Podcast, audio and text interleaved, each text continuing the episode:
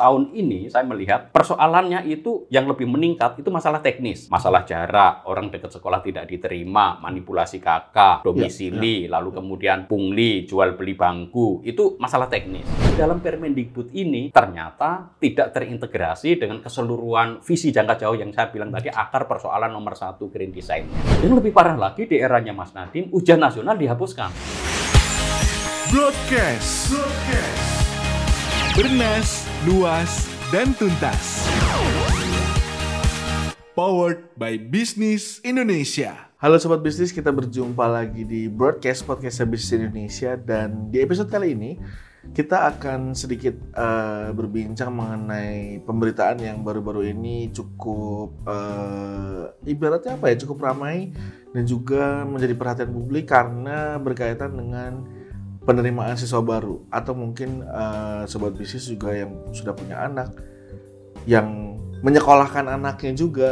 Minggu-minggu kemarin mungkin lumayan sibuk ya dengan PPDB uh, eh, anaknya terus juga sibuk dengan proses bagaimana uh, anak sobat bisnis bisa masuk ke sekolah dan mulai bersekolah di hari pertama sekolah hingga minggu ini sudah mulai aktif sekolah lagi seperti biasa dan kegiatan pembelajaran mungkin sudah ada beberapa sekolah yang uh, sudah aktif kembali kegiatan pembelajarannya sudah uh, eh, MPLS sudah berlangsung gitu ya.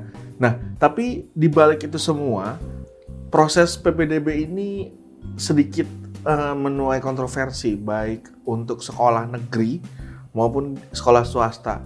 Karena kemarin sistem zonasi ternyata uh, menimbulkan banyak ibaratnya banyak apa ya uh, permasalahan mungkin ya kalau di pemerintahan kita lihat ada yang protes karena jaraknya jarak sekolah dan jarak rumah itu tidak jauh tapi dipermasalahkan sehingga muridnya tidak bisa masuk ke sekolah itu ada juga mengenai kuota jumlah murid yang ternyata ada yang melebihi kapasitas, ada yang ternyata mengakali kapasitas. Nah, kita akan berbincang lebih jauh lagi dan lebih lengkapnya mengenai uh, eh, PPDB ini dengan Bapak Doni Kusuma. Beliau adalah pemerhati pendidikan sekaligus Ketua Dewan Pengarah Aliansi Penyelenggara Pendidikan Indonesia atau APBI.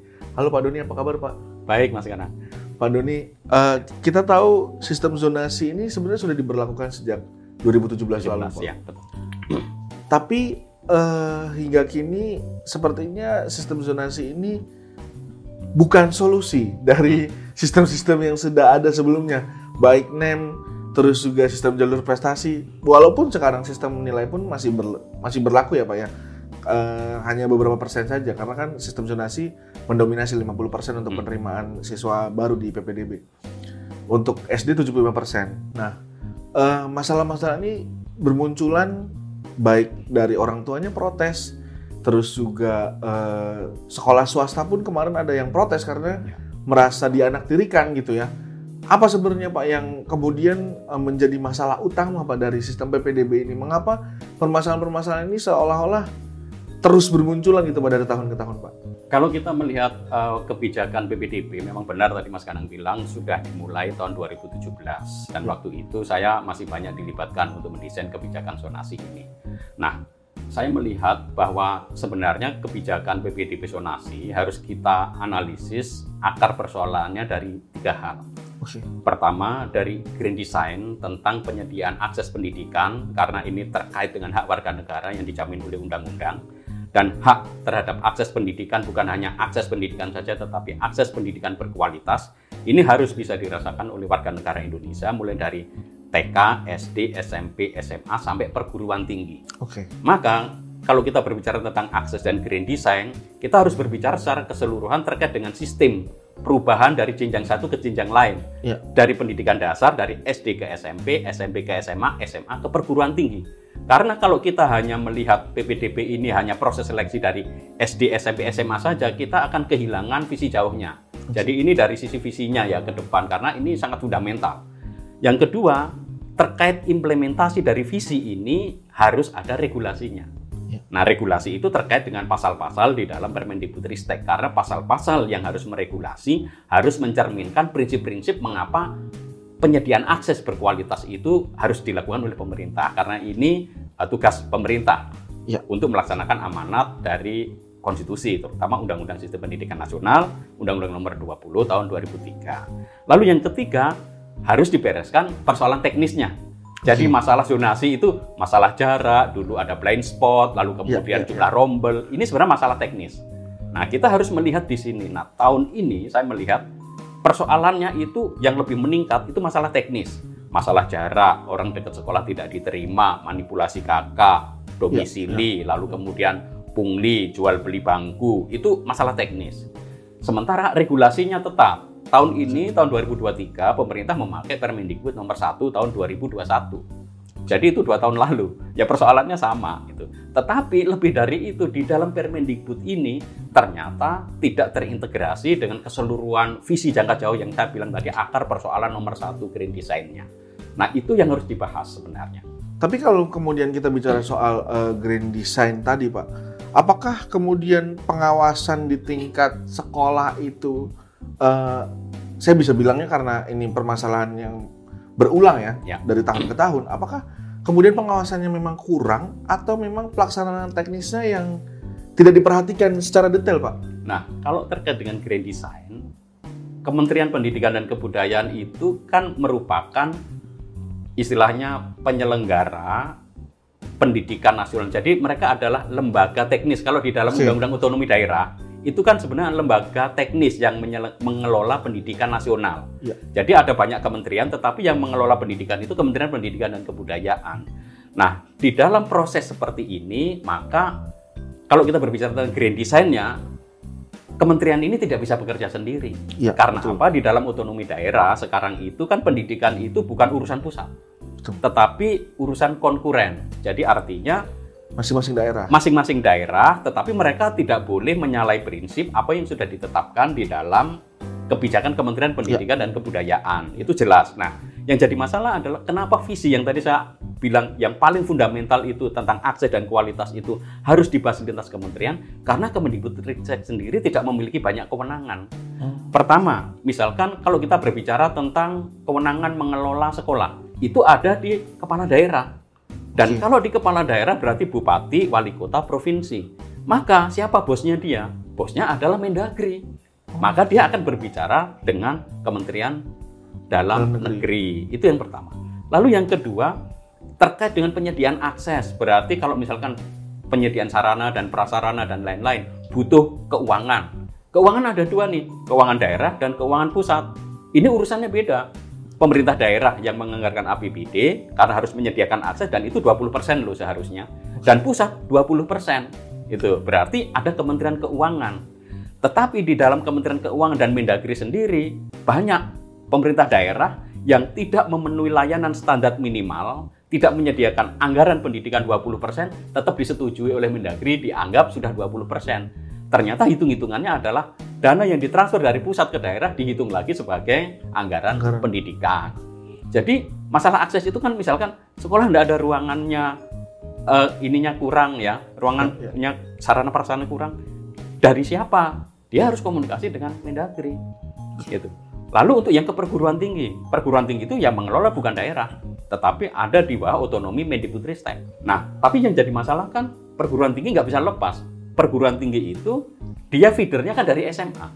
Ya. Sementara SMA yang mengelola pemerintah daerah Hmm. provinsi, sehingga kebijakan seleksi dari SMA ke perguruan tinggi itu harus didialogkan dan juga didialogkan dengan masyarakat. Karena saya melihat misalkan nih akar persoalannya sebenarnya begini.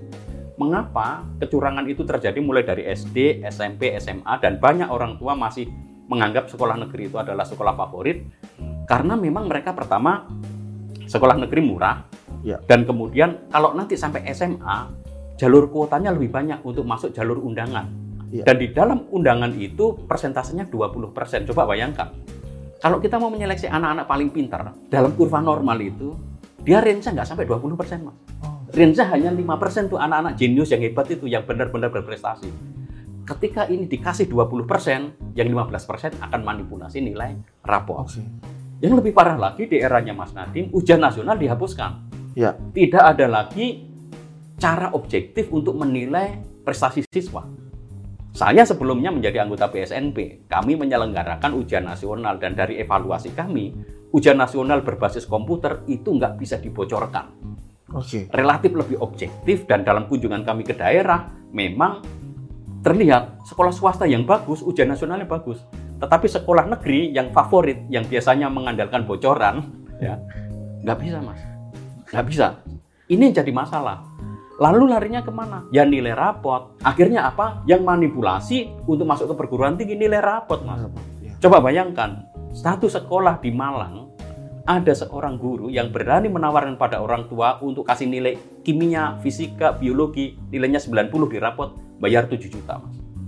Sampai segitu parahnya orang tua itu mau supaya anaknya masuk, Masuk perguruan tinggi. tanpa tes. Dan itu mereka sudah mulainya apa? Dari SD negeri, ke SMP negeri yang favorit, lalu ke SMA negeri favorit. Itu sudah seperti itu. Apalagi sekarang misalkan tidak ada lagi tes berbasis akademik Iya. di dalam perguruan tinggi. Jadi hanya berbasis literasi dan numerasi dan penalaran. Ini akan membuat perguruan tinggi tidak bisa menyeleksi mahasiswa yang terbaik. Ya, Kenapa saya katakan kalau misalkan di IPB anak sosial mungkin dia bisa penalaran bagus. Dan untuk masuk IPB anak yang milih peminatan atau katakanlah yang sosial, dia hanya nilai matematika saja, Mas. Yang dihitung. Sementara anak yang IPA dia ada kimia, fisika, biologi dan dia dapat nilai jelek-jelek nggak bisa masuk ke ITB Iya. atau ke IPB. Nah, proses seleksi yang seperti inilah yang kemudian membuat berbagai macam persoalan. Karena asesmen nasional nggak menyelesaikan, Mas. Asesmen nasional yang dikembangkan Mas Adi Makarim itu tidak menilai individu per individu, tapi menilai per sekolah.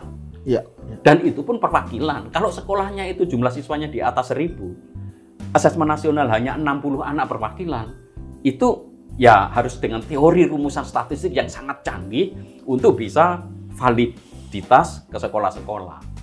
Sementara di kalangan Bapak Ibu guru sendiri tidak ada penguatan kapasitas. Ya. Sekolah yang dulunya hebat Mas, kayak MH Tamrin itu, di Jakarta ini kan sekolah-sekolah hebat itu.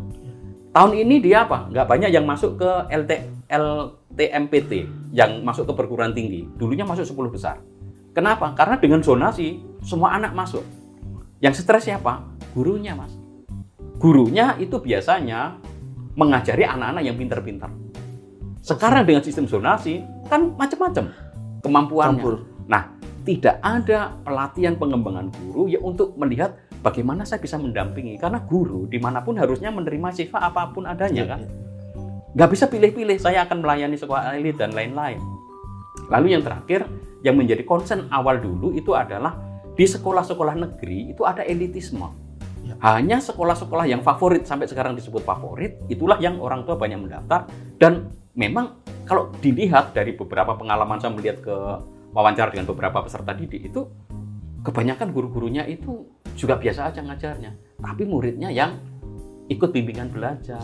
Sementara mereka hanya mengandalkan sekolah negeri saya kuotanya bisa 50 sampai 75 persen jalur undangan. Nah itu yang dikejar. Nah maka ya akan carut marut seperti sekarang ini mas persoalan itu. Kita eh, masuk ke bicara permasalahan ini Pak. Karena kan eh, tadi dari mulai SD, SMP, SMA, kayak yang tadi Bapak bilang, ketika masuk SD negeri, SMP negeri, SMA negeri, eh, kecurangan-kecurangan itu kan berulang Pak. Ya. Eh, lantas apa sih sebenarnya yang celah-celah seperti apa sih Pak yang akhirnya eh, membuat kecurangan-kecurangan itu bisa terjadi dan berulang lagi mulai dari tadi manipulasi Ya. data kakak, terus juga manipulasi rapot. Kenapa itu eh, apa ya? Apakah pemerintah bisa dibilang kurang tegas untuk eh, artinya kurang tegas dalam arti memberikan sanksi kepada sekolah-sekolah yang memanipulasi dan bermain curang seperti itu? Apakah harus ada aturan yang lebih tegas lagi? Apakah harus pemerintah turun tangan langsung untuk melihat sekolah-sekolah itu seperti apa nih curangnya kayak gimana nih supaya begitu curang langsung ada sanksi, begitu curang Ya. ada sanksi kayak gitu Pak? Ini kita berbicara yang lebih teknis ya, artinya Ya, ya, kan ya. berbagai macam kecurangan. Nah kalau kita berbicara yang lebih teknis, kita harus melihat kasus per kasus mas, Oke. karena solusinya berbeda-beda. Oke. Nah misalkan nih kita berbicara tentang manipulasi kakak. Ya. domisili dan kakak. Nah, domisili dan kakak itu akarnya juga ada di regulasi di peraturannya. Karena di peraturannya hanya diperbolehkan berdomisili dan masuk di dalam kakak itu minimal satu tahun, mas. Dan Oke. tidak dijelaskan itu keluarga inti, keluarga dekat atau apa. Sehingga di satu daerah itu ada wartawan kirim kepada saya, Pak ini Pak, satu kakak isinya 10 anak dan tulisannya family lain, family lain. Ini kan berarti sudah ada usaha sistematis orang yang punya kakak itu untuk menampung. Ya kita Ya, tidak ya, tahu ya bisa jadi dibisniskan ya kan. Teman-teman rumahnya dekat, ayo kamu berani berapa, bayar berapa misalkan seperti itu. Tapi itu kemungkinan ya.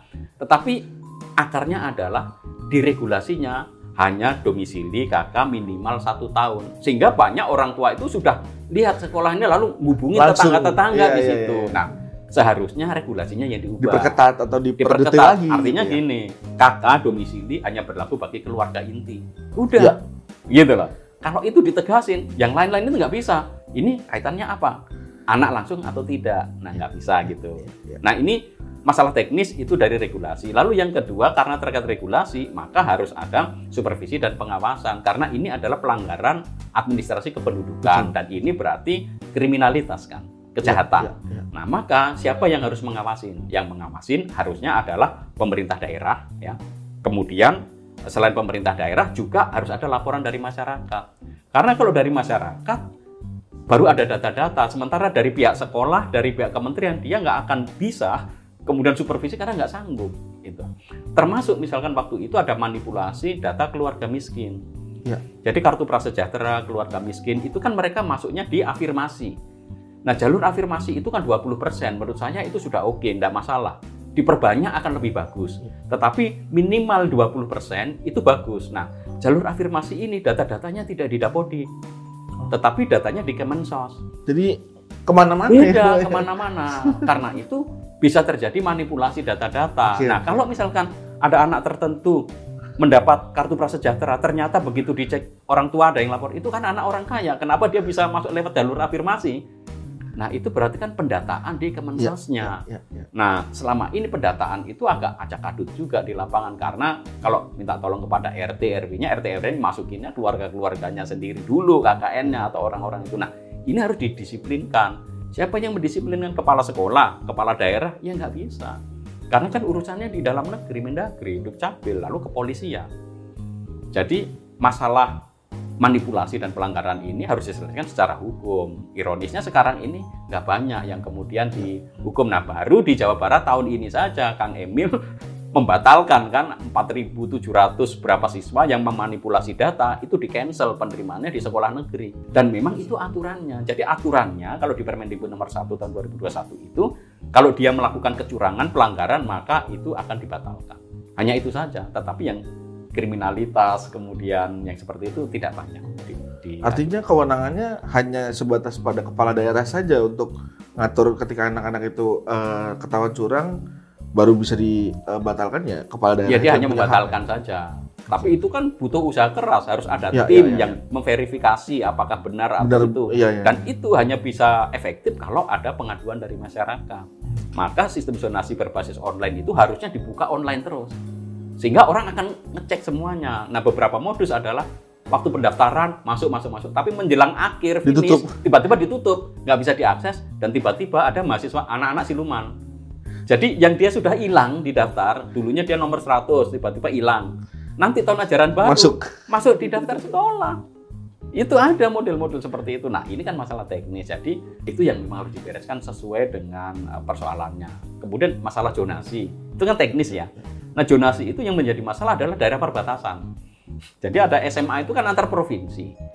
Nah, kalau pemerintahnya egois, anak yang di perbatasan ini dia harus ke SMA 75 kilo di satu Iya. provinsi.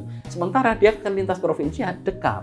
Tapi nggak bisa. Karena lintas provinsi. Karena lintas provinsi sebenarnya bukannya nggak bisa. Di dalam Permendikbud itu jelas kalau ada di daerah perbatasan, gubernur harus saling berbicara satu sama lain untuk membuka akses di sini sehingga anak sini pindah ke situ tidak apa-apa. It- tapi itu tidak dilakukan Dilakukan. karena apa? Ngapain saya nerima anak dari itu? Wong sekolah SMA anggarannya juga kalau ada dana bos, dana operasional, semua dari anggaran daerahku. Nah pola pikirnya kan anggaran daerah sangat sempit. Otonomi daerah itu mengkotak-kotakkan keindonesiaan. Maka undang-undang otonomi daerah itu harus dievaluasi di sini. Karena mobilitas itu harusnya diperbolehkan, nggak masalah. Itu. Jadi kalau masalah teknis kita harus lihat akarnya beda-beda. Oke, artinya penyelesaian-penyelesaian setiap masalah itu eh, berujung pada regulasinya ya Pak ya. Dan Betul. harus ada yang turun langsung untuk eh, meyakinkan bahwa regulasi ini berjalan sesuai aturan yang sudah ada gitu. Betul, itu. Nah, lalu juga harus diperhatikan sebenarnya zonasi ini hanya langkah pertama Mas untuk membuka akses. Karena selama ini sekolah-sekolah bagus aksesnya hanya diakses oleh orang-orang yang kelas menengah ke atas dan anak-anak berprestasi. Maka ini kan sekarang sudah mulai bagus. Jadi sebenarnya zonasi itu membuat suasana itu lebih bineka dari sisi keagamaan, ya, ya, ya, ya. dari sisi suku, dari sisi kemampuan siswa. Dan itu sekolah negeri harusnya seperti itu menurut saya. Maka saya sangat mengatakan bahwa zonasi ini sudah baik dan tetap perlu dipertahankan. Hanya tadi yang masalah visi jauh itu harus dicek, Mas. Karena kalau kita sampai SMA nggak punya sistem semacam untuk menguji kemampuan anak-anak itu sebagai ujian negara, lalu kita nggak bisa menentukan kualitas sekolah. Okay. Sementara masuk perguruan tinggi, mereka hanya tes masuk. Sedangkan tes masuknya ada dua, tiga jalur. Jalur undangan, jalur tulis, dan jalur mandiri. mandiri. Yang mandiri sudah acak kadut, udah berapa rektor ditangkap KPK? Iya yeah. kan? Karena banyak koordinasi, manipulasi. Bahkan ada sekolah universitas negeri mengatakan jalur yang tulisnya sudah habis. Semuanya udah mandiri karena ada banyak duit di sana. Lalu jalur tulisnya sama Mas Nadim dibatasi hanya 40%. Seharusnya jalur tulis itu 80%. Jalur undangan 5% saja, lalu yang 15% itu ya maksimal untuk jalur mandiri. mandiri.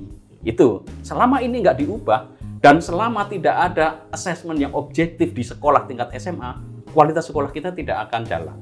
Waktu itu saya mengusulkan, kan memang ujian nasional itu salah tujuan, salah prakteknya. Tetapi sebagai sebuah istilahnya sebagai sebuah kebijakan menilai hasil belajar memang diperlukan. Saya ambil contoh nih. Seperti di Boston ya waktu saya kuliah di sana itu state Massachusetts itu mereka memiliki mereka memiliki ujian di federalnya sendiri di oh, iya. state-nya. Oh, iya. Karena apa? Mereka melihat bahwa jadi terkait dengan uh, terkait dengan visi yang jauh tadi, tes masuk ke perguruan tingginya yang harus diperbaiki. Jadi jalur undangannya 5%, kemudian jalur tulisnya itu harus diperbanyak 80%. Sehingga semakin banyak anak bersaing untuk menentukan kualitas. Lalu 15% mandiri. Lalu untuk SMA, kita kan nggak ada ujian nasional, yang ada ya. hanya asesmen nasional. Dan asesmen nasional ini tidak mampu untuk menilai kualitas individu per individu. Bahkan sistem rapotnya sekarang pun orang tua pada bingung sebenarnya anak saya itu matematika berapa sih itu? Karena ya ini kekeliruan K13 ya. K13 itu ada namanya kriteria ketuntasan minimal KKM. Hmm. Maka itu diterjemahkan sebagai nilai minimal di dalam rapor. Kalau KKM-nya 8, berarti anak yang nilainya 81 itu B, Mas. Padahal di banyak tempat 8 ke atas itu sudah A. Iya. Standarnya beda-beda. Standarnya beda-beda. Jadi tergantung KKM-nya. Kalau KKM-nya 85, maka anak yang 86 itu B dia. Nah, ini kan aneh sehingga banyak orang tua protes. Nah, ini harusnya dihilangkan. Tetapi di kurikulum Merdeka ini juga tidak jelas bagaimana mengatasi ini.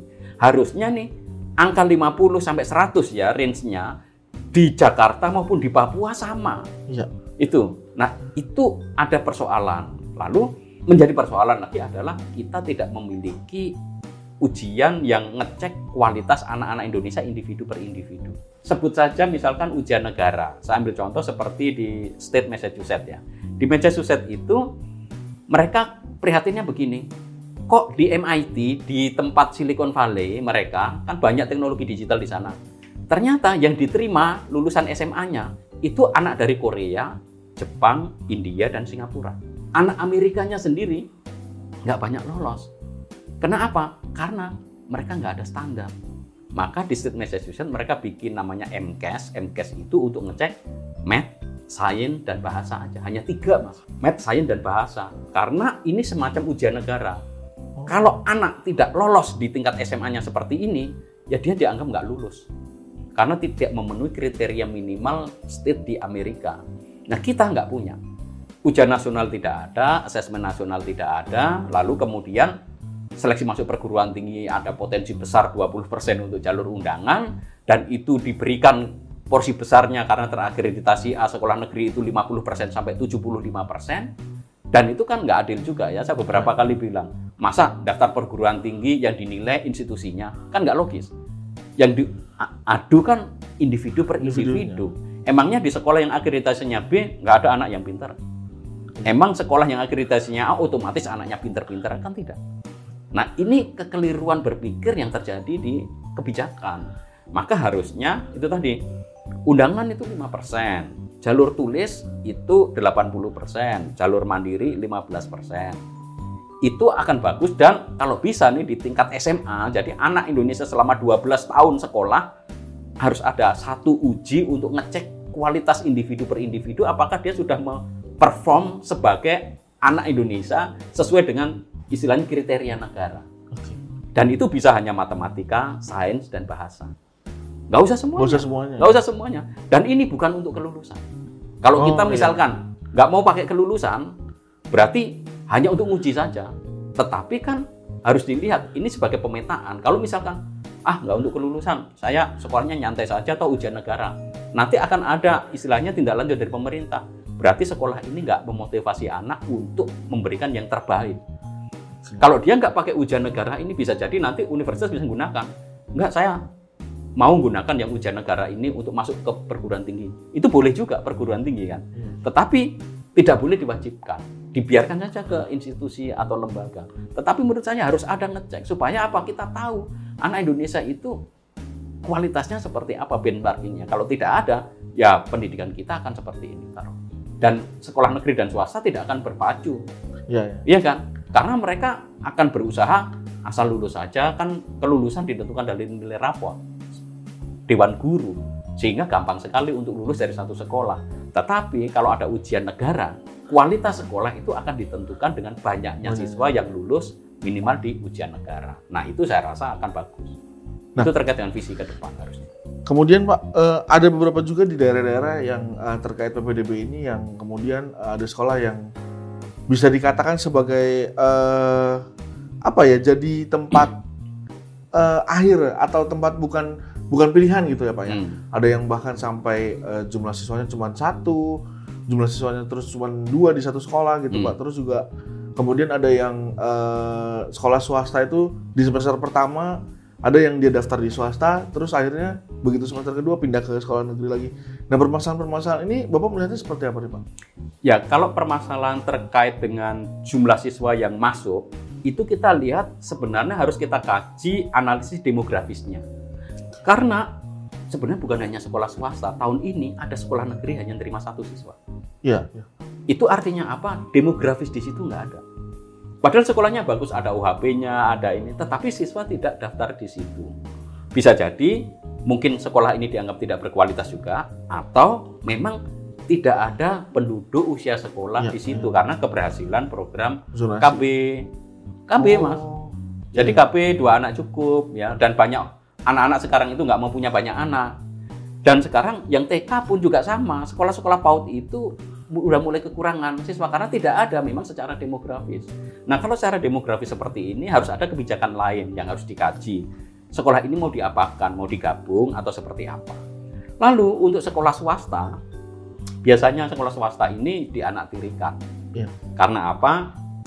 Sistem zonasi mengutamakan sekolah negeri dan sekolah negeri itu umumnya yang SD dan SMP itu kan dibiayai oleh negara, maka dia ya. tidak bayar. Ya. Ini masalah ekonomi. Jadi banyak anak-anak dari keluarga tidak mampu, bahkan anak dari keluarga mampu pun masuk ke sekolah-sekolah negeri supaya apa? Meringankan beban ekonomi karena situasi pandemi, dampak pandemi ini kan berat sehingga masuk sekolah negeri itu sesuatu yang bagus secara ekonomi. Tetapi dampaknya adalah matinya sekolah-sekolah swasta ya. di sekitar situ. Nah, memang sekolah-sekolah swasta ini harus mulai bangkit. Karena sekolah swasta kalau seperti ini terus kualitas layanannya sama saja, malah hmm. biayanya yang ditinggikan tanpa disertai dengan kualitas, dia akan ditinggalkan. Itu yang terjadi. Bahkan sekolah negeri pun di beberapa tempat kualitasnya nggak sama. Ada satu zonasi, orang tua boleh memilih ke sekolah negeri ini, tapi kosong mas ini. Karena seperti di perbatasan di Jawa Timur itu ada orang tua mengatakan, sekolah negeri di tempat kami itu udah kayak kandang ayam pak. Jadi buat apa anak saya disekolahkan di sana? Itu sehingga banyak orang tua itu tidak menyekolahkan di sekolah negeri. Jadi sekali lagi terkait dengan siswa itu ada masalah demografis, lalu kemudian kecenderungan sekolah negeri untuk membuka menambah rombongan belajar seperti hari ini di, yang demo di Bekasi itu satu rombel itu bisa 58 anak untuk SMA itu melanggar aturan dan aturan ini bisa dibereskan lewat kementerian karena di Dapodik bisa ditutup. Kalau sudah 38 nggak bisa diutik-utik data Dapodiknya sehingga dia nggak bisa masukin input anak pindahan atau data-data baru. Lalu yang ketiga di Permendikbud nomor 1 tahun 2021 itu adalah tugas pemerintah daerah menyediakan akses pendidikan bagi semua anak usia sekolah di wilayahnya. Tidak dikatakan harus masuk sekolah negeri. Maka kolaborasi dengan sekolah swasta itu penting dan wajib hukumnya. Sehingga kalau pemerintah mau mendirikan sekolah negeri, pertama-tama harus dilihat apakah di daerah situ sudah ada sekolah swasta. Okay. Kalau sudah ada sekolah swasta, lebih baik tidak mendirikan sekolah negeri di situ, kecuali di beberapa daerah itu memang nggak ada sekolah negerinya. Ya, ya. Jadi itu bisa didirikan sekolah negeri dan kan nggak ada swastanya juga. Itu. Lalu yang kedua, pemerintah daerah harus kemudian menganggarkan ini untuk komitmen pendidikan. Artinya ya. begini, dari SD SMP mungkin sekolah negeri masih bisa menampung, tetapi dari SMP ke SMA itu hampir 80% itu sekolah swasta. Memang sekolah negeri itu kalau dari sisi jumlah siswanya hampir sama, Mas, sekitar ya 7 jutaan. Hmm. Jadi siswanya itu hampir ya imbang lah ya SMA negeri dan swasta. Tapi banyak sekolah-sekolah swasta itu lebih uh, di tingkat SMA itu banyak dikelola oleh penyelenggara sekolah swasta. Maka pemerintah perlu membuat kemitraan contoh bagus di DKI misalkan ya. ya. Jadi kan jelas sekolah negeri nggak bisa menampung semuanya, maka yang tidak tertampung diberikan ke sekolah swasta. Tetapi pemerintah memperhatikan sekolah swasta dicek apakah sekolah swasta ini berkualitas atau tidak. Ngomongnya dengan para pengurus yayasan pengelola pendidikan swasta, baru kemudian masalah biaya satu tahun kira-kira kalau dari pemerintah memasukkan ini bayarnya berapa? Karena sekolah swasta itu kan hidup dari pembiayaan masyarakat. Nah kalau dengan ada bantuan pemerintah seperti itu, orang tua akan senang masuk di sekolah swasta karena kualitasnya sama dan mereka juga tetap tidak membayar. Tuh. Tetapi ini butuh komitmen dan perhatian dari pemerintah pusat dan daerah. Nah ini yang selama ini tidak dilakukan. Itu mas. Oke, mungkin yang terakhir nih Pak nih, uh, dari semua permasalahan-permasalahan ini, kemudian sejauh mana sih Pak uh, kementerian ke, dalam hal ini Kemendikbud ya yang yang punya wewenang untuk uh, punya regulasi ya. dan uh, kemudian mengatur regulasi sejauh mana kementerian itu turun langsung dan melihat apakah permasalahan-permasalahan itu terjadi seperti apa dan bagaimana solusinya sejauh mana pak mereka uh, turun langsung dan uh, melihat permasalahan-permasalahan itu dan kemudian apakah dengan misalkan dari uh, Kemendikbud uh, turun langsung dan menyelesaikan masalah itu, apakah itu benar-benar akan terselesaikan? Karena melihat tadi kasusnya adalah eh, sekolah-sekolah ini berkaitannya dengan pemerintah daerah gitu kan, ya. bukan dari uh, Kementerian Pendidikan. Terus juga uh, pemerintah daerahnya pun ada yang berbeda-beda ya. ya. Ada yang aware dan ada yang kemudian kayak tadi Bapak bilang, loh ini wilayah saya, bukan wilayah bukan wilayah saya lagi. Hal-hal seperti itu kan kemudian jadi apa ya? Jadi kemudian eh, perbedaan-perbedaan itu yang kemudian memunculkan masalah baru. Kemudian apakah harus seharusnya dari Kementerian Pendidikan ini melihat permasalahan dari eh, masing-masing daerah itu bisa diselesaikan oleh Kemendikbud atau harus dari pemerintah daerahnya nih? Bagaimana kemudian solusi-solusi itu Pak yang harus dibicarakan lebih lanjut Pak? Ya, pertama-tama kalau kita berbicara tentang kementerian, selama eranya Mas Nadim ini ya Eh, masyarakat itu banyak tidak tahu sebenarnya Mas Nadim ini ngomong apa tentang PPDB ya okay. tentang zonasi karena tidak pernah ada statement dari menterinya padahal dia yang harusnya bertanggung jawab ketika ada persoalan dalam pertemuan terakhir dengan Komisi 10 yang datang adalah Inspektorat Jenderal okay. yaitu Ibu Katarina Girsang di situ Bu Katarina mengatakan persoalan PPDB zonasi itu sudah terjadi dari tahun ke tahun hanya tahun ini lebih banyak karena ada media sosial Kan bukan seperti itu solusinya. Bukan solusi. Ya, bukan itu solusinya. Nah, kementerian itu sebagai penyelenggara pendidikan nasional ya lembaga teknis yang mengelola bidang pendidikan seharusnya berkomunikasi dan mengadakan konsultasi dengan daerah-daerah. Karena ada daerah bikin ujian daerah sendiri, Mas. Iya. Dan itu kan nggak boleh. Di Undang-Undang Sistem Pendidikan Nasional kita pasal 58 itu nggak boleh, nggak ada kewenangan pemerintah daerah itu menguji hasil belajar peserta didik. Nggak ada, tetapi ada dengan cara USDA sebutnya ujian sekolah daerah dia memakai itu untuk prestasi itu kan nggak boleh. Nah yang seperti ini nggak bisa didiamkan, maka kementerian harus banyaklah turun ngomong komunikasi. Yang berwibawa itu kan menterinya seharusnya, Ya, maka menterinya sendiri yang harus turun langsung ke lapangan gitu. Di kurikulum Merdeka itu yang pendampingan asimetrisnya ada. Jadi mereka punya kebijakan pendampingan asimetris di pemerintah daerah. Tetapi pendampingan asimetris ini tampaknya hanya terkait dengan kurikulum, pengelolaan guru, dan itu pun juga nggak beres-beres. Karena yang diturunkan pun mungkin juga tidak paham dengan situasi daerahnya. Kan banyak tim-tim bayangan tuh di sana yang sebenarnya nggak banyak paham juga tentang pendidikan sebenarnya. Harusnya orang-orang internal itu, orang-orang pejabat kan mereka lebih banyak tahu seluk-beluknya di daerah, bagaimana membangun komunikasi. Nah, seharusnya sih menurut saya pemerintah lebih proaktif.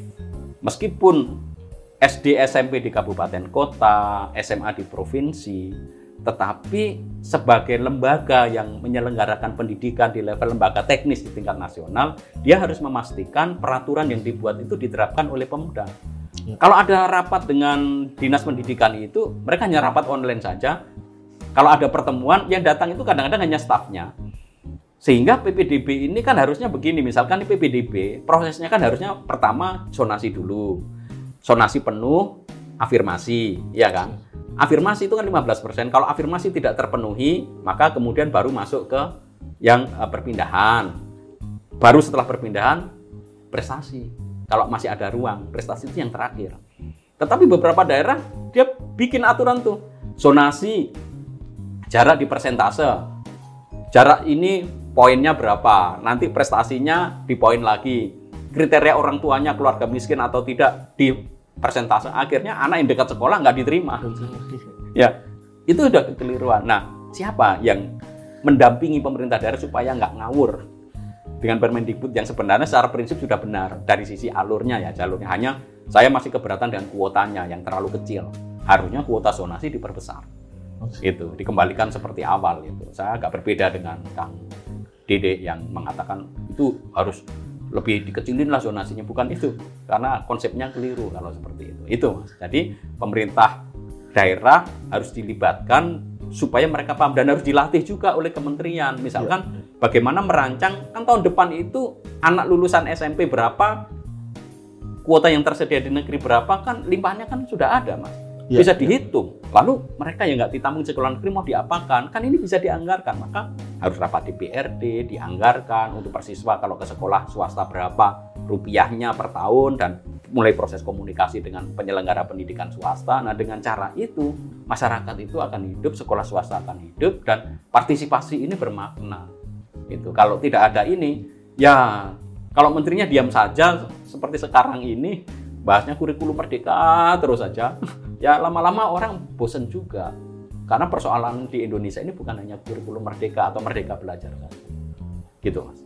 Oke, terima kasih Pak Doni untuk eh, ngobrol-ngobrolnya dan itu tadi sobat bisnis semoga eh, banyak hal ya yang eh, bisa sobat bisnis dapatkan mulai dari permasalahan dan juga hal-hal yang ibaratnya apa ya eh, sangkarutnya PPDB yang sudah terulang bertahun-tahun. Yang intinya adalah sebenarnya komunikasi antar pemerintah daerah dan juga eh, komunikasi dari Kementerian Pendidikan dan Kebudayaan yang seharusnya turun langsung ke lapangan dan melihat bagaimana eh, sistem PPDB ini dan sistem zonasi ini implementasinya seperti apa dan kemudian masalah-masalahnya seperti apa supaya tidak terulang lagi dari tahun ke tahun gitu ya. Dan kemudian juga tidak menjadikan permasalahan ini sebagai hal yang wajar karena eh, ibaratnya apa ya masalah ini sudah terulang kenapa harus jadi sesuatu yang wajar gitu ya? Jadi harus semoga kiranya bisa diselesaikan eh, oleh kementerian terkait dan juga eh, pemerintah daerah supaya ke depannya masyarakat bisa lebih